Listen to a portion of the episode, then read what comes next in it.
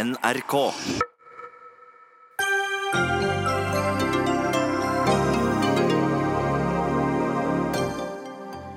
I dag kom den russiske tiltalebeslutningen mot spionsiktede Frode Berg. To ferske bøker slakter våre hemmelige tjenester. Med rekordmålinger åpnet Senterpartiet i dag sitt landsmøte på Hamar. Hvordan i all verden har Vedum fått løftet partiet fra rett over sperregrensen til å bli større enn Frp, ifølge målinger? Fagforbundet var Senterpartiets største bidragsyter ved forrige valg. Nå vil de at Vedum skal love troskap til venstresiden, også ved årets kommunevalg. Og kirkebranner, satanisme og mord. Ny film viser innsiden av det norske black metal-miljøet på 90-tallet. Det er dårlig reklame for Norges nasjonalmusikk, sier forfatter og tidligere turboneger.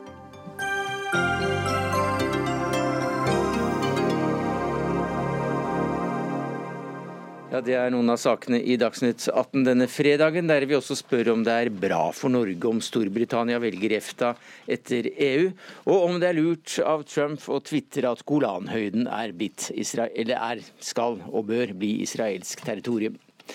Men vi begynner på Hamar, dit eh, Senterpartiet ikke dro som slakt denne gang, men tvert imot. Med en rekordoppslutning på 22,1% i Troms og Finnmark, så åpnet partiet sitt landsmøte i dag. Og helt siden du tok over som partileder for fem år siden, er det vel, så har det bare gått én vei, og det er oppover med partiet. Trygve Slagsvold Vedum, leder i Senterpartiet. Hvordan er stemningen i leiren? Det er veldig god stemning. og klart at Vi har hatt medlemsvekst hvert år nå fem år på rad som det eneste partiet i Norge. og Det gjør jo at det er jo det største landsmøtet i Senterpartiets 99-årige historie som er her på Hamar. Og klart Det skaper stemning, det skaper fellesskap. Og så er det jo de sakene som går igjen, er sentralisering av tjenester nær folk. Hvordan kan vi utvikle hele Norge? Hvordan kan vi ha en politikk med så vi får mindre forskjeller. Så her er det god stemning og mye kampvilje. Du, Sandra Borch fra Troms Senterparti hun sa i dag at partiet kommer til å bli enda større i nord, og bli størst, større enn Arbeiderpartiet. Hva er ditt mål for denne landsdelen ved kommunevalget til høsten? Nei, målet er jo at vi skal gjøre et så godt valg som overhodet mulig. 30, fordi vi, blir det 36,9? ja, men altså det som er viktig å huske på er at det å få oppslutning er jo ikke et mål i seg sjøl, det er et virkemiddel for at vi er så kritiske til den, den sentraliseringa, ikke minst i politi, ambulanse, de grunnleggende beredskapen i Finnmark og Troms. Og det har gått så gæren vei, eller den tvangssammenslåinga mellom de to fylkene. Og hvis folk er enige med oss, da, at det har vært negativt sånn som Finnmark og Troms har blitt behandla, så bør jo folk i mm. Finnmark og Troms stemme på oss. Der vi ønsker å styrke den lokale beredskapen istedenfor å svekke den. og det er jo men vi tar ingen stemme for gitt, for det, er, det, her er folkestyre, og folk er nådeløse dommere. Og det skal men, de være. Også. Men du, i Politisk kvarter i dag eh, morges så brukte du mange landbruksmetaforer da du beskrev Knut Arild Hareides mål om å få KrF over på venstresiden. Du sa at han hadde sådd for lite i eget parti, at han hadde hatt for kort vekstsesong, og at han ikke hadde hatt nok gjødsel eh, å, å, bruke. Uh, hva slags kraftgjødsel er det du har brukt da, som har eh, fått eh, partiet rett over sperregrensen til å bli større enn Frp, ifølge målinger? Altså, jeg har jo hatt én hovedstrategi, og det er at jeg har reist rundt og snakka med folk. I dag i talen så valgte jeg å si at vi har vært litt Askeladden i norsk politikk. At vi har dratt rundt, kanskje blitt litt latterliggjort, men vi har lytta og hørt. Og så har vi vært tydelige på standpunktene våre. At Når vi mener at det er gærent at kommuner skal tvangssammenslås, så sier vi det. Når vi mener at det er gærent at avgiftene for vanlige folk skal økes, så sier vi det.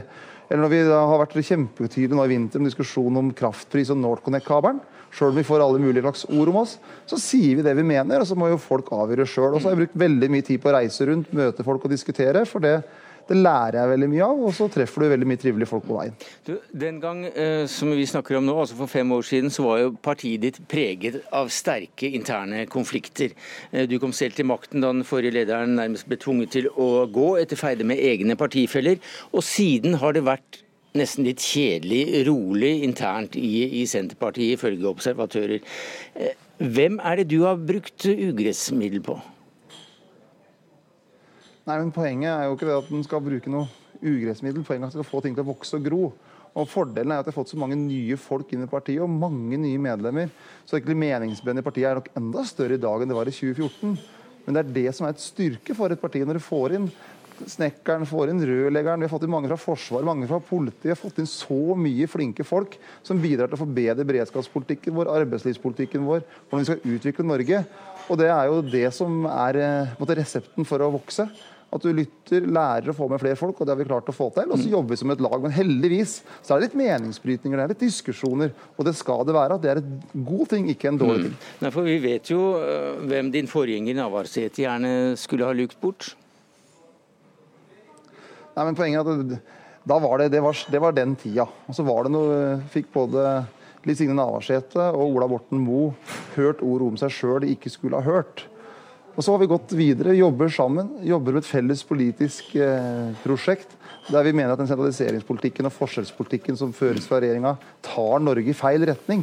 Og Det er politikkens innhold som er det viktige. Jeg syns det er litt skummelt også inn mot kommunevalget. Det blir mye mer diskusjoner om posisjoner, hvem som skal bli ordfører, alt det der, enn hva man faktisk vil med politikken. Og Der har vi jobba godt som lag i Senterpartiet og vært tydelige i våre politiske prioriteringer. og Heldigvis så er Liv Signe Navarsete med som en sterk kraft på, på utenrikspolitikken. Og vi har et godt lag der Ola Borten Moe nå legger fram et veldig godt næringspolitisk mm. dokument i morgen. Der vi skal diskutere hvordan vi kan sikre det nasjonale eierskapet, mm. sikre nasjonal kontroll over våre naturressurser. Og Du nevnte Ola Borten Moe. Eh, jeg gjorde det ikke da jeg snakket om hvem som skulle lukes eh, bort, bare så det er sagt. Men siden du nevner ham, altså han har da kjøpt seg en oljeboringsplattform til 4,5 millioner kroner, leser vi i eh, A-magasinet her. Usett, ifølge magasinet. Hva slags signal er det til landsmøtet? Men det som er bra, er jo nettopp at vi har så mye flinke folk i dette partiet. og så mange næringsdrivende. sånn som hva slags, signal, hva, slags signal er, hva slags signal er det til landsmøtet at han har gått så hardt inn i oljebransjen selv? Ja, men Ola må jo svare for sine, sine Ja, Men du er leder av partiet. Du er leder av partiet. Du er leder av partiet. Jo, jo, men jeg syns jo, jo, men jeg synes det er bra ja, at vi har mange folk i ulike næringer. Vi har mange i drosjenæringa, vi har mange i anleggsbransjen. Vi har mange sjåfører, vi har mange bønder, skog, skogbrukere. Mm. Vi har mange som jobber i ulike bransjer. Også at Ola da jobber med å utvikle norsk næringspolitikk og norsk energipolitikk. Eh, og er næringsdrivende, det er en del av det mangfoldet som er et gode i et parti, og det er ikke et problem. For det er, det er oljepolitikken som eh, kanskje splitter partiet sterkest nå, det skal vi komme tilbake til. Men eh, spørsmålet vi skal stille nå, det er om du er å stole på som et rød-grønt partileder.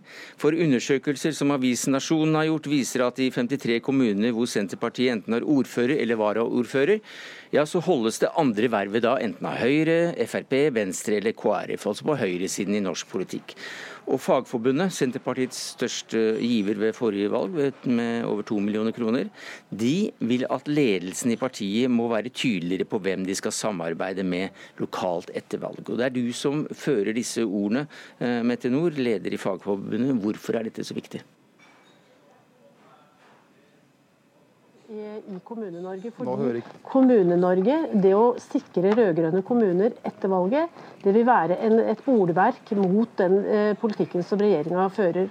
Og det er jo da, For å være sikker og tydelig på det, så er det jo noe med å eh, og For å få gjennomslag for den politikken der, så må man jo samarbeide med de som ligger tett opptil, og som på mange måter har de samme programformuleringene og samme ideologien. Eh, og Derfor så er vi veldig opptatt av at Senterpartiet skal gi noen signaler ut. Fordi Vi har altså 370 000 medlemmer som skal velge sine arbeidsgivere. Eh, velge de som skal levere tjenester i den kommunen de bor i. Og det er jo nettopp eh, Derfor er det så viktig. Vi må vite noe om hvordan posisjonere seg etter valget, sånn at medlemmene vet hva slags politikk de får. Mette, Mette Nord, vi fikk ikke med, vi, Unnskyld at jeg avbryter deg, unnskyld at jeg avbryter deg, men uh, du sitter i vårt studio i Porsgrunn, og det var ikke lyd på deg de første sekundene, så jeg lurer på om du kunne bare gjenta akkurat uh, første, de første par setningene? Ja, Hvis jeg husker hva jeg sa, så husker jeg hvert ta det. Men jeg sier at det er jo nettopp, nettopp, den politikken som Trygve er så tydelig på. Det handler jo om eh, både det eh, som handler om å ta hele landet i bruk, det å ha tjenester nær folk. Eh, det som nå har skjedd med både politi, eh, akutthelsevesen osv., det er jo den type verdier og den, den type politikk vi må være trygge på kan gjennomføres. fordi Eh, norske kommuner der vi har rød-grønne styrer, de, de, er et bolverk mot den politikken som føres på nasjonalt nivå for tida. Og Derfor vil du ha klarest mulig signal fra da vil jeg at Trygve skal gi et veldig tydelig signal ut eh, til sine lokale eh, medlemmer og, eh, tillitsvalgte, sånn at våre medlemmer kan være trygge på at det er den politikken som skal også velge, altså føres etter, etter valget. Vil, vil du det, Vedum? Går man i kompanis Vedum vil... Går dere i kompaniskap med Høyre, så kan det fort bli en helt annen politikk. og det, Akkurat det er veldig viktig at våre medlemmer får, eh, får rede på. Vedum, vær så god. Ja, men Det som er Senterpartiets grunntenkning, er at du skal ha tillit til de lokale beslutningene. Og Da er det de lokale sakene i hver enkelt kommune som avgjør hvem man samarbeider med. For det er det helt umulig for meg som bor i Stange eller som sitter partileder nasjonalt, å kunne ha en mening om hva som er de rette prioriteringene lokalt. Kanskje i ganske mange sammenhenger, så For mitt eget fylke så har Senterpartiet og Arbeiderpartiet vært uenige om sentralisering av tjenester. I en kommune som heter Åmot så ønska Arbeiderpartiet å legge ned det lokale sykehjemmet. Senterpartiet ønska å videreutvikle det ikke sentralisere. Og da var Frp enig lokalt. Og Første gang vi fikk ordføreren i Åmot, så var det SV og Frp som gjorde at Senterpartiet fikk ordføreren. Nettopp fordi at Senterpartiet ikke ønska sentralisering, mens det lokale Arbeiderpartilaget der ønska sentralisering. Og så er det jo sånn, Når du ser på Arbeiderpartiet også, så er det jo veldig mange kommuner Arbeiderpartiet har samarbeidet med Høyre. For det er lokale saker som har vært avgjørende. Eller i mitt eget fylke så er det sånn som i Våler, så er Høyre ordføreren, Arbeiderpartiet er varaordføreren. Så det her går på kryss og tvers. Og det må være lokale sakene og de som bor lokalt, de som er tillitsvalgte lokalt, som ser hva som er de beste løsningene. Det blir feil at vi skal sitte på hovedkontorene våre og bestemme hva man skal gjøre, om det er i Finnmark i nord eller i sør, eller er i Hedmark eller om det er i Porsgrunn. For det er de lokale sakene som til sjuende og sist må avgjøre uh, hvem man samarbeider med. Nord. Jo, men allikevel så er det noe med de eh, grunnleggende eh, tingene som både går på dette med å styrke arbeidstakernes rettigheter, det å styrke velferdstjenestene, det å stoppe nedbygginga av de offentlige tjenestene. Eh, og det er en politikk som ligger tettere opp mot venstresida, Trygve, enn det er mot høyresida. Og da er det jo noe med å sikre nettopp den alliansen som også kan være med på å utvikle seg nå fram til også valget i 21. Fordi det, det er jo nå nettopp den kampen begynner. og eh, Både du og alle andre på den rød-grønne sida de ønsker jo et regjeringsskifte. Du har jo vært veldig tydelig i dag eh, med å kritisere regjeringa for nettopp denne sentraliseringa, og at de nå nesten sagt stykker opp landet bit for bit. Eh, selger ut eh, og svekker altså lokalsamfunnet noe voldsomt. Så det er på en måte i det lyset vi syns det er litt underlig at man ikke også gir noen eh, klare meldinger ut til sine lokale partilag. Altså, vi er jo, Senterpartiet er et tydelig opposisjonsparti til Høyre og Frp nasjonalt, for vi mener at den fører en kraftfull sentraliseringspolitikk som skaper større forskjeller. og Jeg tok jo opp offentlig tjenestepensjon flere ganger i dag, som ble tatt fra folk når bedriften deres ble privatisert. Jeg mener det er et skikkelig tilbakeskritt. Men så, det, men så, det, så kan vi ikke samle inn direkte den nasjonale politikken med den lokale, for da kan det være helt lokale saker. og Metodor sitter jo sjøl i sentralstyret i Arbeiderpartiet. og det er jo ikke sånn at Arbeiderpartiet heller fører den linja at de alltid samarbeider rød-grønt. Noen ganger samarbeider med Høyre, andre ganger samarbeider med andre. Nettopp fordi det er lokale saker i sitt lokalmiljø som er det avgjørende. Og Det er den grunnleggende tillit til det lokale og det nære vi har. Jeg ønsker at tjenester nær folk, og vil at beslutningen skal være nær folk. og Derfor så blir det helt feil at jeg skulle liksom måtte gjøre meg til overdommer hvis man f.eks. la i Snåsa da, for å ta et typisk eksempel der Senterpartiet og Arbeiderpartiet konkurrerer med å få ordføreren, at jeg skal altså mene det ene eller det andre om situasjonen i Snåsa. Det man vurderer der, og de får ta beslutningen der. For jeg, De vet bedre enn meg hva som er best for sin kommune. Det som er viktig, eh, det er jo at den samme beskjeden den går fra oss også til de andre eh, i den rød-grønne alliansen. bare sånn at Det er tydelig. Det er ikke bare Senterpartiet som får denne meldinga. vi har jo også sett at det er eh, konstellasjoner der ute også i forhold til Arbeiderpartiet. Så det har vi vært like tydelige på der som vi er overfor for Senterpartiet, og som vi vil være over også for, for SV.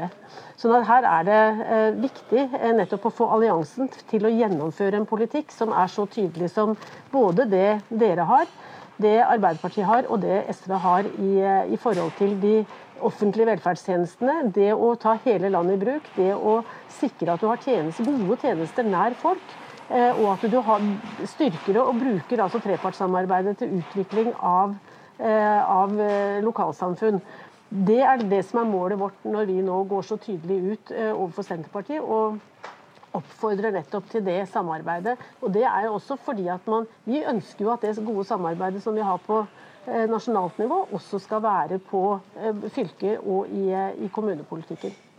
Og det, Heldigvis så har vi det også flere steder, bare sånn at det er sagt. Men det er noe med å være veldig tydelig nå. For tross alt så skal altså 300 70 000 medlemmer de skal velge sine arbeidsgivere og sine, eh, hvem som skal styre lokalt. og Det, det er ikke helt ubetydelig eh, gruppe mennesker. Takk skal du ha, Mette Nord, leder i Fagforbundet. Og ha en fortsatt godt, uh, godt møte til deg, Trygve Slagsvold Vedum, også Senterpartileder nå i Hamar. Eh, Irene Halvorsen, du er sjefredaktør i Nasjonen. og vi snakket i sted om den ganske fantastiske økningen i både medlemmer og ikke minst oppslutning på meningsmålinger som Senterpartiet har hatt de siste fem årene. Hvorfor har de hatt det?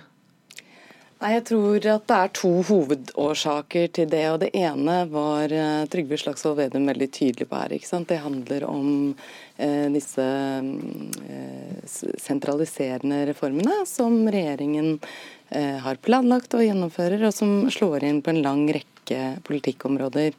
Eh, det slår inn på politi, det slår inn på eh, sykehus, det slår inn på ambulansetjenester, Nav, universitets- og høyskoler.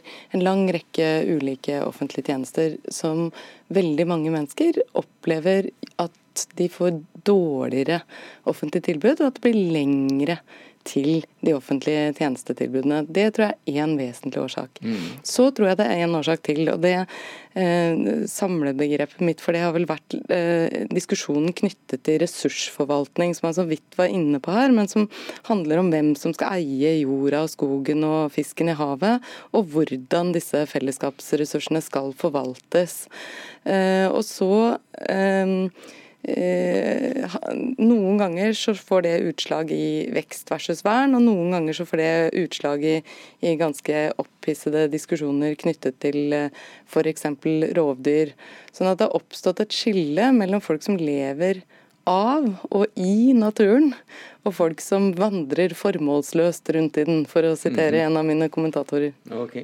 Magnus Takvam, eh, politisk kommentator i NRK nå eh, på Hamar.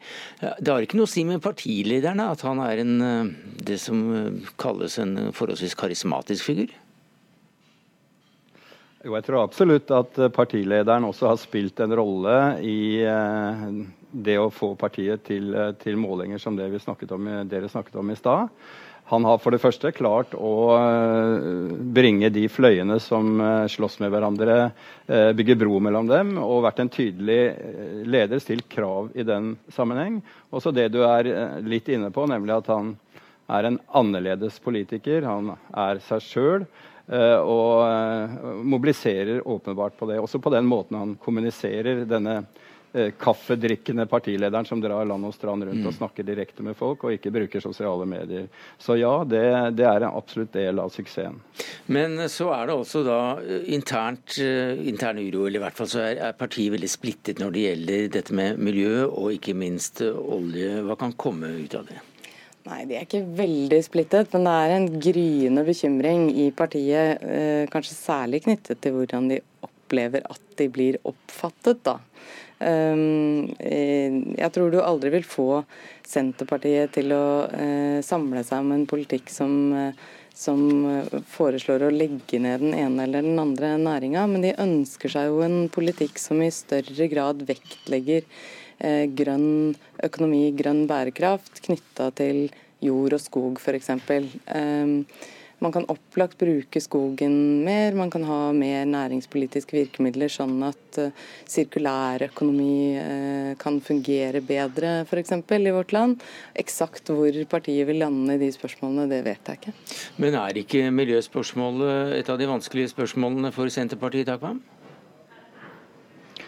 Jo, altså Det er en veldig underliggende diskusjon og helt åpen diskusjon på landsmøtet om Eh, miljøpolitikken. Det er det ingen tvil om. Det kom jo eh, noen medieoppslag i forkant av landsmøtet om et såkalt forventet klimaopprør her. Eh, og Da tror jeg nok partiledelsen eh, merket seg det og justerte en del både av uttalelsene og liksom resolusjonene som, som, lå der. Litt, eh, strammet dem litt opp når det gjaldt dette med miljø. Men den, den konflikten som er reell, det er hvor raskt man skal fase ut uh, petroleumsnæringen i Norge og erstatte den med fornybar energi. Der er det miljøer i partiet, Senterungdommen også andre, som vil at staten skal være mye mer aktiv i den sammenheng. Så det er en reell eh, intern konflikt. Og Dette er jeg helt enig med Magnus Takvam i, men uh, å, å, ønske seg en mer aktiv næringspolitikk har jo også Senterpartiet tradisjon for. Så det tror jeg absolutt man vil se. Men, men jeg, jeg, spurte partilederen om hva slags signal det er at uh, Ola Borten Moe går inn i oljeplattformbusinessen, og det svarte han vel ikke noe særlig på. Men har du lyst til å si noe? Nei, jeg tror at Hans ikke-svar på det er veldig veldig typisk Trygve Slagsvold Vedum, og en veldig vesentlig del av årsaken til at det nå eh, hersker eh, tilsynelatende så stor fred i partiet i forhold til for fem år siden. Eh, dette er jo, altså det var jo en sterk personlig konflikt den gang mellom partileder Liv Signe Navarsete og Ola Borten Moe, men det var jo også, som du vel egentlig antyder, en politisk konfliktlinje der, som da Trygve Slagsvold Vedum velger å ikke gå inn i. Han har jo et, eh, et eh, liksom en leveregel. Enten så går det bra, eller så går det over. Og det ser det ut som han bruker i veldig mange sammenhenger, også politisk. da. Eh, landsmøtet er ikke over før søndag, men takk skal du ha, Irene Halvorsen, sjefredaktør i Nasjonen, og til deg, Magnus Takvam på Hamar, vår kommentator.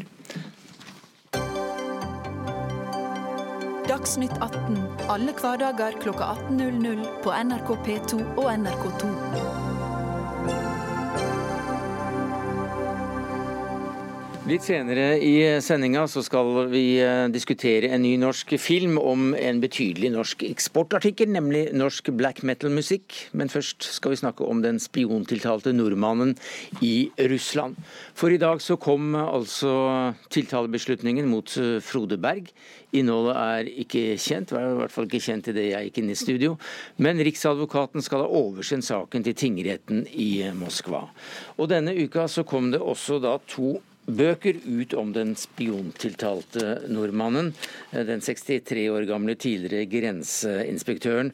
Han er siktet av SFB, den russiske sikkerhetstjenesten for eh, spionasje. Og Den ene boka, Trine Hamran, den har du skrevet, og den kom faktisk i dag. Eh, du skriver den som journalist og som venn. Og den heter 'En god nordmenn' og det handler også om Frode Berg. Eh, først, Hva sier det eh, deg at tiltalen er klar?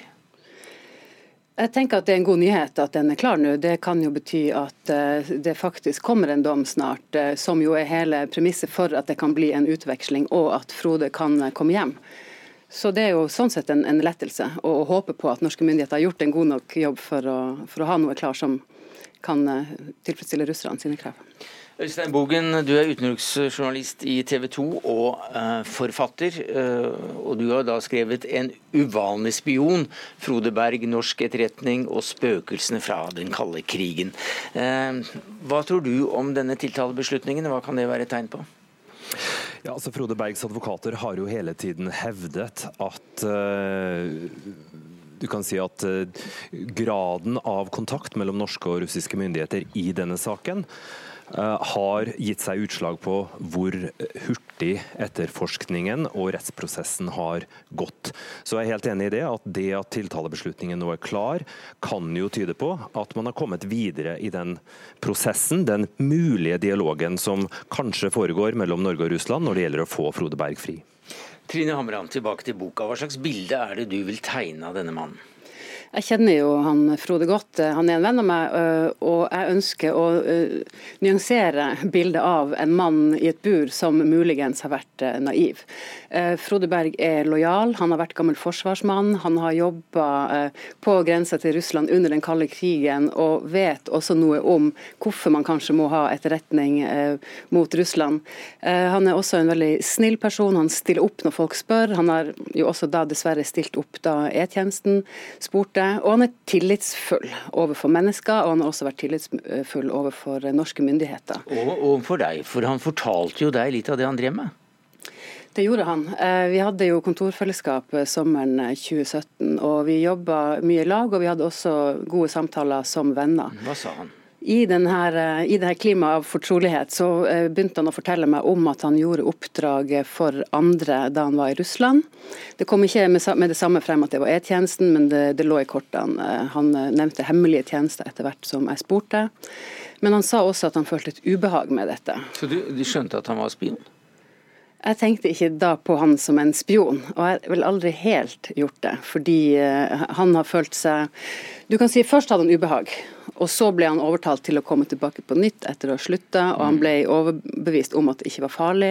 Så er nok også, på samme måte som Frode har hatt en tillit til E-tjenesten, så har jeg hatt en tillit til Frode om at det ikke var så farlig. Det var et lite oppdrag. Eh, Øystein Bogen, i boka di så, så skriver du at han da var en uvanlig spion. Det er jo da også tittelen. Hva var det som var så uvanlig? Han var en uvanlig spion for vår tid og for det Norge som vi kjenner i dag. Jeg har jo prøvd å gå litt tilbake til historien og har jo funnet at det var jo slettes ikke uvanlig under den kalde krigen dette her, at E-tjenesten spurte eh, sivile nordmenn uten opptrening og uten forberedelse i noe særlig grad om å dra på denne type oppdrag bak jernteppet på det jeg vil si var livsfarlige oppdrag. Og eh, Med Frode Berg-saken så har jeg også sett litt i nyere tid, og eh, kan vel dokumentere at det har skjedd forsøk der også på andre personer som da var i samme kategori som Frode Berg, og bedt de, hvor man har da bedt de om å, om om å reise på denne typen mm. oppdrag. Personer som da i E-tjenesten, i hvert fall i gamle dager, gikk under betegnelsen lovlige reisende. Det dere to skriver om eh, begge, det er eh, at dere, eller dere retter begge et skyts mot eh, etterretningen i etterretningsvesenet i, i, Norge, altså de hemmelige tjenester. og de kritiseres ganske kraftig i begge bøkene, Øystein Bogen. Hva, hvor er det du setter inn ditt hardeste støt? Jeg mener jo det er flere ting man kan eh, stille spørsmål ved her. Eh, og En av de tingene er jo hvorfor i all verden skulle man verve en person som Frode Berg? En person som jo eh, hadde brukt hele sitt voksne liv for å forsøke å få bedre naboforhold med Russland, og som var aktiv i dette såkalte folk-til-folk-samarbeidet som man setter så høyt i, i Sør-Varanger. Dette kan jo nesten fremstå som, en, som at er nesten motarbeidet offisiell politikk ved å knytte til seg en slik person person som, som mange russere rett og slett mm. hadde tillit til. Og Det andre er jo måten denne operasjonen ser ut til å ha foregått på, nemlig på en veldig uvanlig måte, nærmest skjødesløs. Eh, og alt dette førte jo da til at Frode Berg eh, ja, forutsigbart nok ble tatt til slutt. Ola Kallager, eh, du har jobbet i Etterretningstjenesten i flere år, bl.a. som leder av etterretningsgruppen E14. Eh, du er også da en kilde eh, til begge disse bøkene. og Hva synes du om hvordan din tidligere arbeidsgiver har håndtert Frode Berg-saken?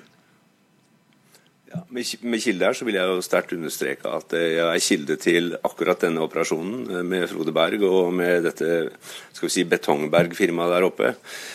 Og, sett fra et sånt skal vi si Eh, etterretningsteknisk synspunkt, så er jo dette her eh, bortimot talentløst. altså. det, bakgrunnen til Frode Berg burde jo tilsi at man ikke bruker han i det hele tatt, altså som grenseinspektør.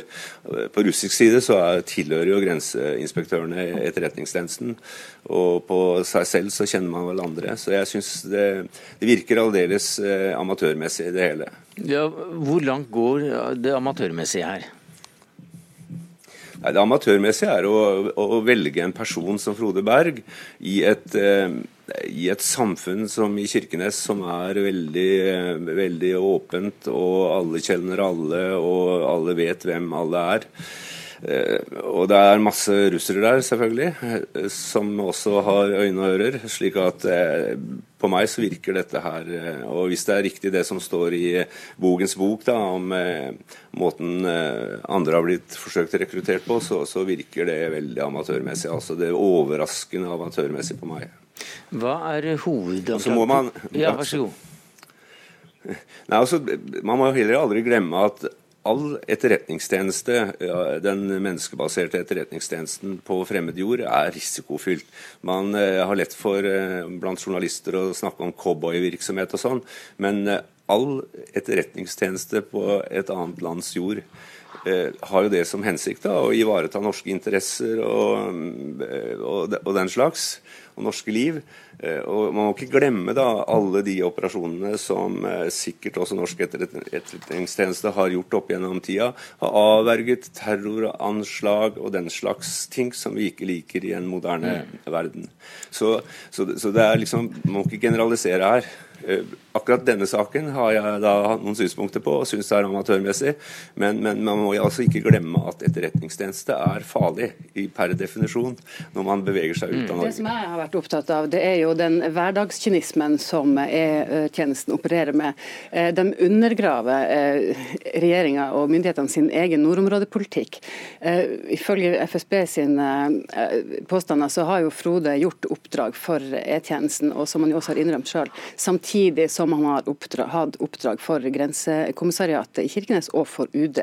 Så Det betyr at eh, Forsvarsdepartementet og UD i prinsippet bruker den samme personen til oppdrag som er ikke er forenlige med hverandre. Og Videre så undergraver de jo folk-til-folk-samarbeidet eh, som en forlengelse av denne nordområdepolitikken ved å bruke en person fra Kirkenes. Og I boka mi så har jeg jo også en eh, kilde, anonym kilde fra E-tjenesten som sier at det er helt uunngåelig for dem å bruke folk fra Kirkenes til operasjoner i Russland, fordi det er folk i Kirkenes som kan det best. For dem er det altså et praktisk spørsmål, få best mulig informasjon, og på den mm. måten undergrave dem da norsk nordområdepolitikk, og de ødelegger jo også Frode sitt liv. Du nevnte både UD og Forsvarsdepartementet. Et øyeblikk, Jeg må bare få sagt, sånn at det, alle vet det, at eh, alle sammen er invitert her. Både UD og Forsvarsdepartementet og E-tjenesten. Eh, vær så god.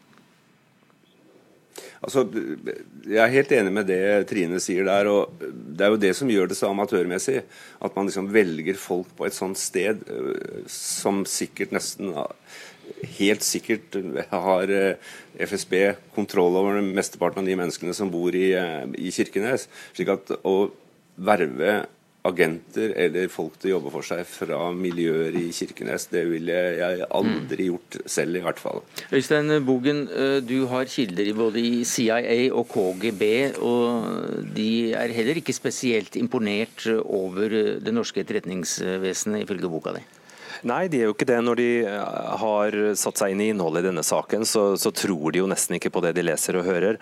Uh, og Det er jo kanskje grunnen til at de uh, er blant de kildene som spekulerer i at på toppen av det som har skjedd med Frode Berg, så kan den norske etterretningstjenesten ha vært utsatt for et russisk dobbeltspill her. Vi må ikke glemme at det er ingen russiske tiltalte i Frode Bergs sak, ifølge hans advokater. Uh, og de har også hatt, som Trine sa her, veldig god kontroll over alle hans tidligere reiser. Så da kan man spørre seg da, Var dette en etterretningsoperasjon som egentlig gikk på skinner, eller var det slik at eh, man hele tiden ble fòret informasjon fra russerne som var feil, og i tillegg at man da satte omstendighetene på plass, slik at man faktisk var i stand til å ta Frode Berg? Men så da til, eh, til, hva nå? Eh, nå sitter han i fengsel. Tiltalebeslutningen er fattet. Vi kjenner ikke hva den eh, går ut på. Men statsminister Erna Solberg og utenriksministeren Ine Eriksen Søreide de skal møte president Vladimir Putin neste måned i, i Russland. Er det en gyllen mulighet til å løse denne saken? Eh, det er veldig vanskelig å si hva som er muligheten til å løse saken, men en smule ydmykhet overfor Russland hadde jo faktisk gjort seg i denne saken. Alle vet jo at det dreier seg om et oppdrag for E-tjenesten. Det er bare eh, våre egne myndigheter som sier at det er en konsulærsak. Mm. Du uh, avslutter hele boka di med uh, et sitat fra en av dine hemmelige kilder i, i Etterretningsvesenet, der du spør er det verdt å ofre Frode og familien og hva var svaret som denne kilden i Etterretningsvesenet kom med? Da svarer kilden at hvis informasjonen som ble eh, brakt på bordet var god nok, så var det verdt det. Og Øystein Bogen, eh, her er jo linjene veldig gode, for du starter hele boka di du med noe som kan være et svar på, på akkurat dette sitatet. For du har et lite sitat av John Le Carré. Mm. Ja, det stemmer. Det, det, må du, nei, det har jeg faktisk her. Det stemmer, det. altså, i, et, I etterretningsarbeidet gjelder bare én morallov, og uh, det, at det er resultatene det kommer an på. Ole Kallager, helt til slutt. Er det slik? Ja, det er jo det. Altså, hvis det er, det er jobben da, til etterretningsfolk å skaffe til veie den informasjonen som er etterspurt, og som kan være eh, av største betydning. Så, eh, så kynisk er den verden. Det er jo ingen tvil om. Det må den være òg, skal man nå målet. Takk skal du ha, eh, Ola Kallager, tidligere leder av etterretningsgruppen E14. Øystein Bogen, journalist og forfatter, og Trine Hamran, journalist og forfatter.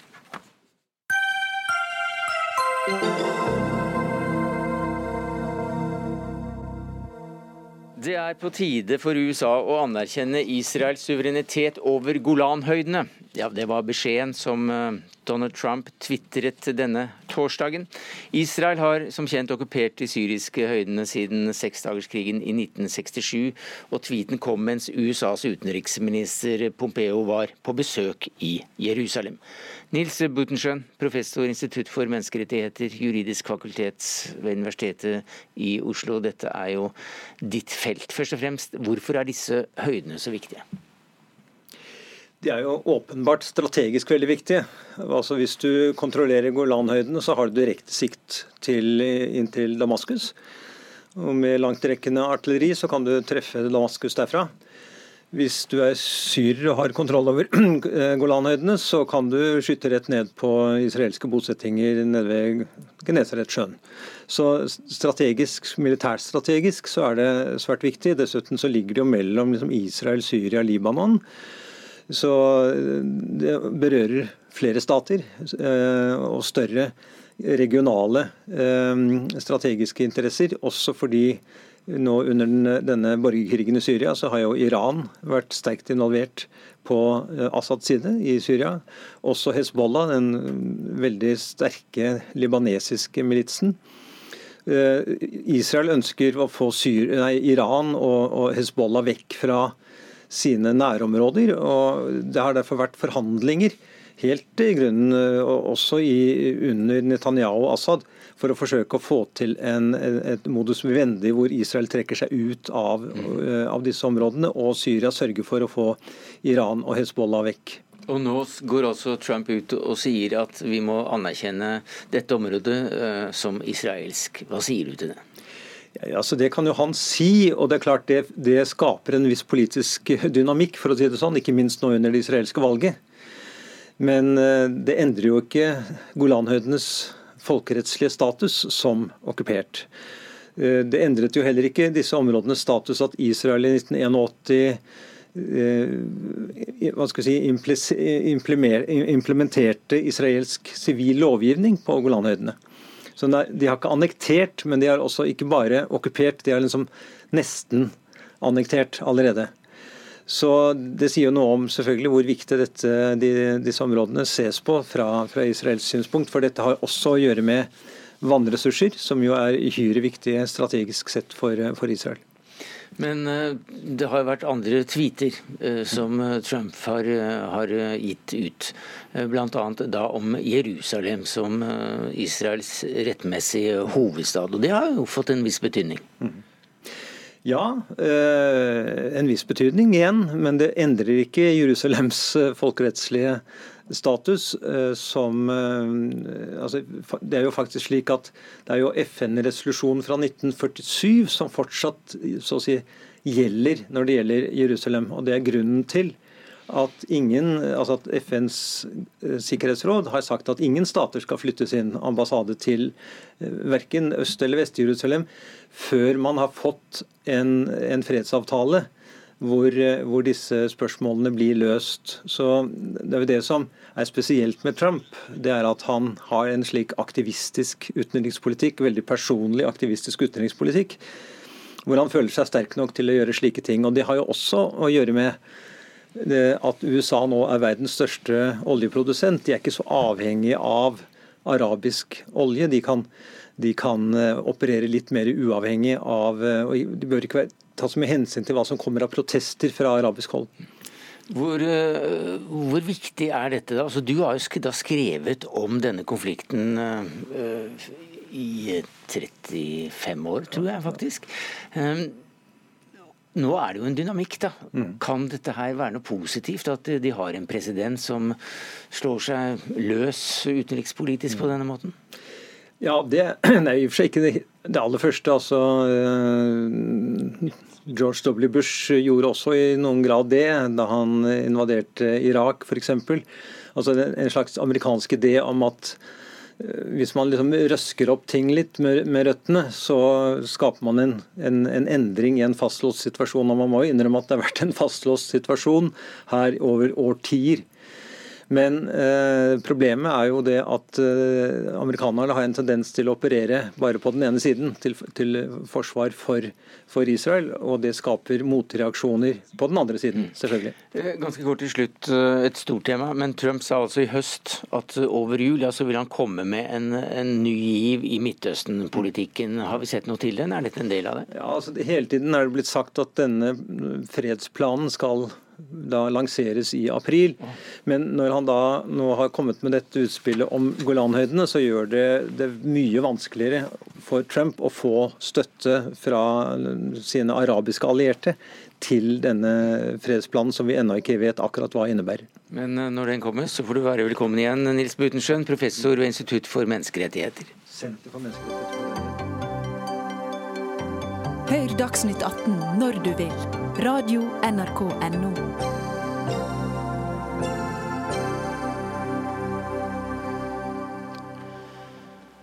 Erna Solberg er i Brussel og feirer EØS-avtalens 25-årsjubileum. Men eh, det er de utenlandske pressefolkene som eh, spurte om eh, hva hun synes om brexit, og hva Norge synes om de ulike løsningene, som fikk en viss oppmerksomhet.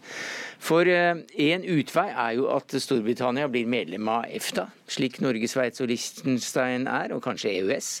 Det ville altså ikke Solberg si noe om, men det vil vi. Og hva sier du om å få Storbritannia inn i EFTA og EØS, Fredrik Mellem, du er generalsekretær i Europabevegelsen. Vi syns jo det høres ut som en veldig dårlig idé. Eh, vi i Europabevegelsen i Norge er jo først og fremst eh, opptatt av hva som er Norges interesser. Og Storbritannia har eh, opptrådt på en måte i EU eh, som har vært veldig obstruerende. EØS-avtalen har vært bra for Norge, Island og Liechtenstein i 25 år.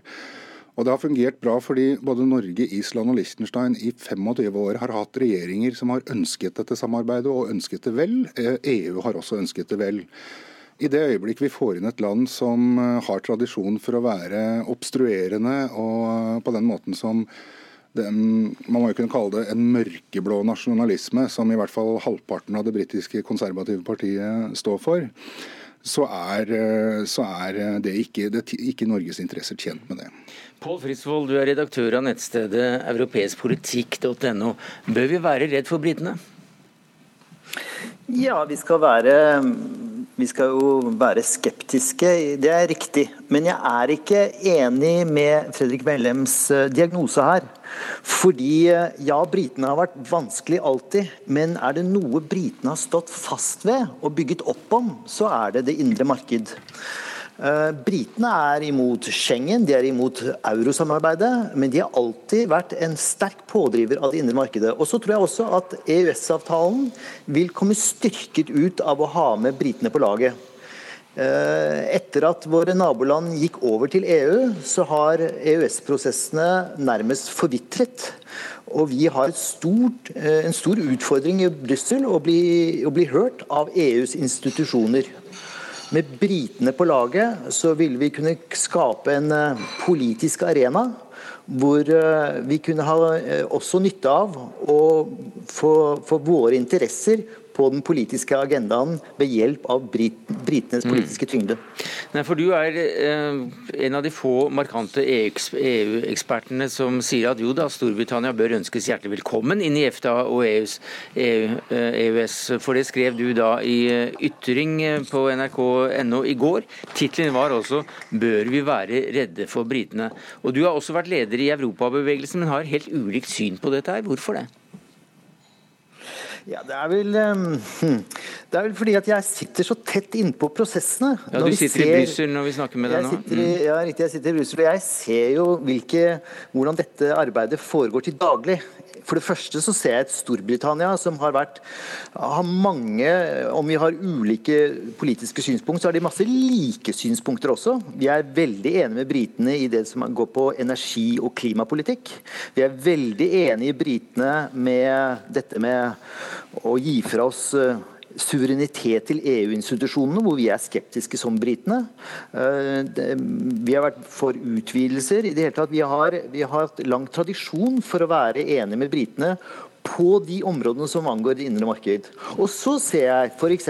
når vi skal i parlamentet, når vi skal til EUs ministerråd, når vi skal prøve å få oppmerksomhet fra EUs beslutningstakere, så har vi et stort problem. Folk spør alltid hva syns de om oss i Brussel? Vel, vår store utfordring er at vi ikke syns. Med britene på laget så kunne vi få eh, skape, som jeg nevnte, en, et politisk jeg vil ikke si tyngdepunkt, men i hvert fall et politisk punkt hvor vi kunne dra nytte av uh, å være i en, en større sammenheng. Mm. Ja, jeg, tror kan, jeg, tror jeg kan telle på fingrene mine eh, hvor mange i europabevegelsen som deler Paul Pål Frisvolds vurderinger eh, her. Men de som derimot deler Pål Frisvolds vurderinger, er jo de norske isolasjonistene. De som ønsker å, at hele det europeiske samarbeidet skal bryte sammen. De ser gjerne at eh, Storbritannia kommer til, fordi at de ser eh, og gjør den samme vurderingen som oss. Så er det riktig at Storbritannia har vært tilhenger av det indre markedet. Men det er også en nyanse som er viktig å si der. For de har vært tilhengere av sin egen forståelse av hvordan det indre markedet burde være. Og nå er de jo ikke fornøyd med det. Eh, de ønsker å fjerne friheten til å bevege seg fritt i Europa. EØS-avtalen eh, forutsetter jo at britene plutselig skal begynne å akseptere eh, den delen av EØS-avtalen og EU-samarbeidet som de er aller mest imot.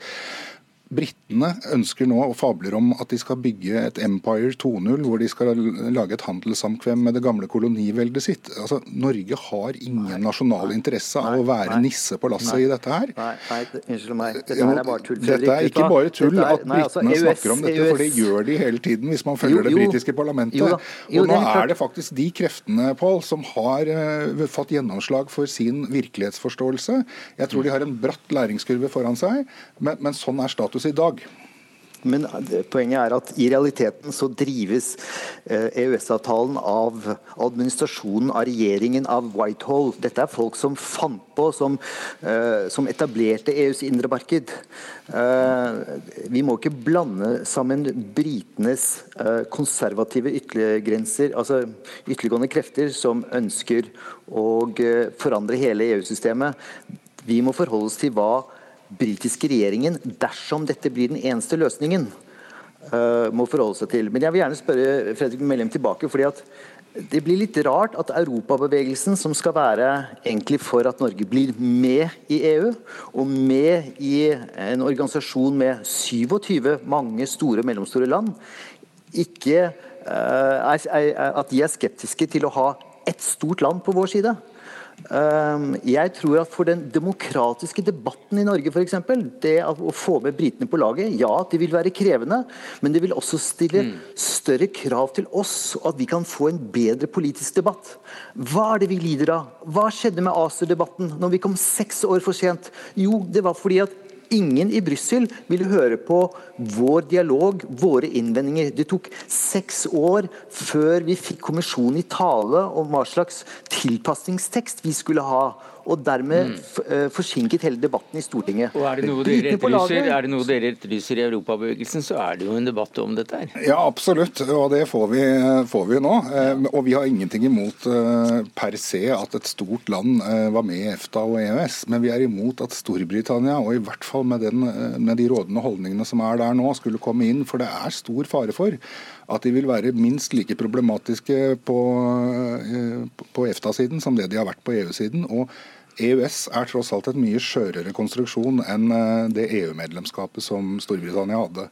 Og de har også en del motstridende hensyn. De ønsker å være med i tollunionen, bl.a. av hensyn til situasjonen på den irske øya. EFTA-landene er ikke med i tollunionen. Eh, de ønsker ikke fri bevegelse av mennesker, som er et av grunnpilarene i hele EØS-EU-systemet, og som nordmenn nyter godt av. Hundretusenvis av nordmenn har benyttet EØS-medlemskapet til Norge til å studere eh, i et annet land, bosette seg i et annet land, stifte familie i et annet land og frakte familien til Norge. Dette er goder som vi ikke er villige til å la Storbritannia risikere å ødelegge for oss. Da, da, må vi dessverre sette strek der, Frisvold. Men eh, la meg gi folk eh, litt godbiter å lese på i helga. For du skrev altså denne ytringen på nrk.no i går. Bør vi være redde for britene? Og lederen i Europabevegelsen, Heidi Nordbø Lunde, hun skrev en lengre artikkel i The Guardian om det samme, og de var slett ikke enige. Takk skal dere to ha.